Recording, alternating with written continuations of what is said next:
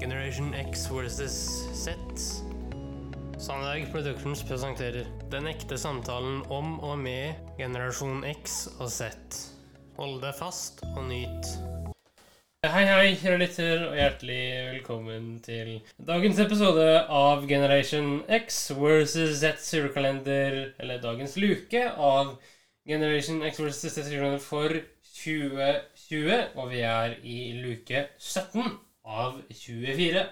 Før du begynner med å si hva tematikken er i dag, så vil jeg spille gårsdagens gåte for deg, gårsdagens svar og dagens gåte. Kjempeflott. Riddle number 16. What did the doctor tell the Christmas bell when he walked into the hospital? Ja, det var det, da. Og svaret ble Det skal du få høre nå. hjertelig. Riddle number 16. Answer If you don't get better with this medicine, give me a ring. Ah, det var kul. det var veldig morsom. Og så nå skal du få dagens eh, gåte. Ja. Riddle number 17. What do you get when you cross a bird with a turtle? Ja. ja. Du må selvfølgelig ta den på norsk. Hva får du når du krysser en fugl med en skilpadde? Jeg vet ikke. Ikke jeg heller. Nei. Vi håper på at nå eh, lytterne klarer eh, brasene. Nå skal jeg fyre i gang med NRK nå.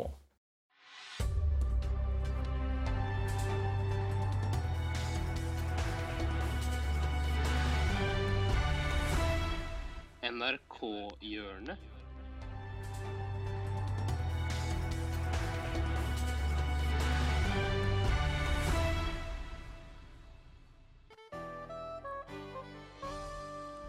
Og god sak til nyhender. Mitt navn er Brynjar Kvam. Hallo? Er det noen her? De to afghanerne nærer seg huset sitt med fullkornbrød i henda. Inne venter familien på seks spande. Afghanerne venter, sanser, ser, lukter, hører. Den ene afghaneren ser på den andre. Det er snut her, sier han. Hva avdeling? Spanere, sier han. Jeg tør banne på at det er spanere. De to ser på hverandre og gir tegn. Helvete! Området er boobytrappa, sier en av afghanerne. Vi står midt i et minefelt. Kom, denne veien. Afghanerne lister seg ut av minefeltet på tå. Sambels inne i huset kvakner Gunnar Kvam til. Helvete, de kom seg unna att, sier spaneren og tar seg en siste slurk i kaffekoppen som nå alt er blitt kald. Ei jente sitter i vinduet og gråter, men hun smiler. Hun smiler. Nå utombels. Den eldre dama som i går punkterte crossykkelen sin like utenfor Beirut, hadde skikkelig ulykke da hun i dag kom tilbake til åstedet og sykkelen sin. Det viser seg at hele felgen er ødelagt, og at hun nå lyt bytte både felg og dekk. Dette ble mye dyrere enn venta, sier hun til Nyhende. Nå lyt politikerne på banen. Flere av de lokale innvånerne tar nå til munglefs mot styresvirksomhet i Beirut i det de nå kaller sykkelskandaler.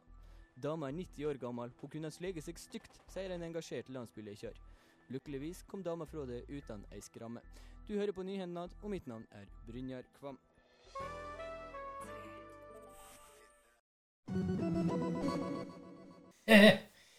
ja, det var nyhendnad.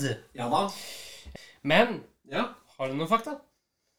Du, jeg har ikke noe fakta, for så vidt. Jeg har bare et eh, gammelt juleeventyr fra Rogaland. Ok, Er du interessert? kjør på. Hjertelig. Da tar vi snurr stolen og begynner opplesningen fra julaften på Kvame. I hjelmelandsbygdene i Rogaland var det mange huldre før i tiden. På en eh, gård som heter Kvame, hadde det seg slik at de aldri kunne holde jul hjemme. For like sikkert som julaften kom huldrene hvert eneste år i store flokker og holdt gjestebud på gården. De tura og dansa og holdt et slikt leven at hele huset rista. Hvert år når julaften kom, måtte folk i huset flytte ut så alt var klart og rede til huldrene kom. Et år hadde de fått en dreng i tjeneste, og han var en modig maur. På julaften, da de andre folka gjorde seg i stand til å flytte, ville han ikke være med.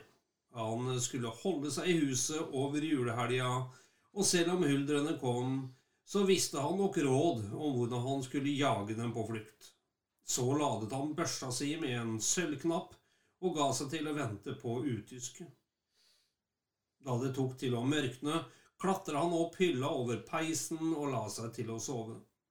Han hadde ikke ligget lenge før det hørtes et rumling og brautling, og inn kom da først en gammel mann med et langt skjegg, og deretter kom hele flokken og samlet seg rundt gamlingen som de kalte Gamle Trond. Så tok huldrene til å danse og ture og låte og skrike som de var gale.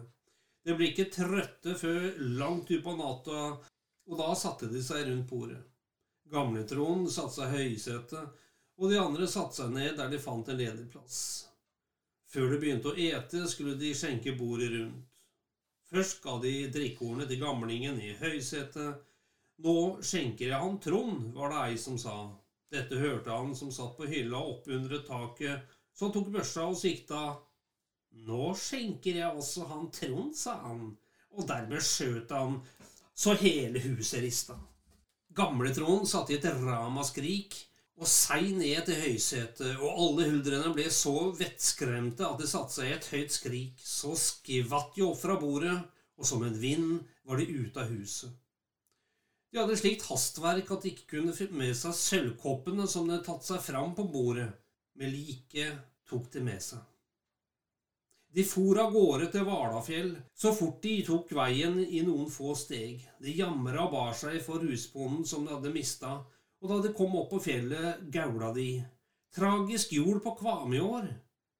Så tok de tre store steiner og slengte dem ned mot gården, men de nådde ikke husene.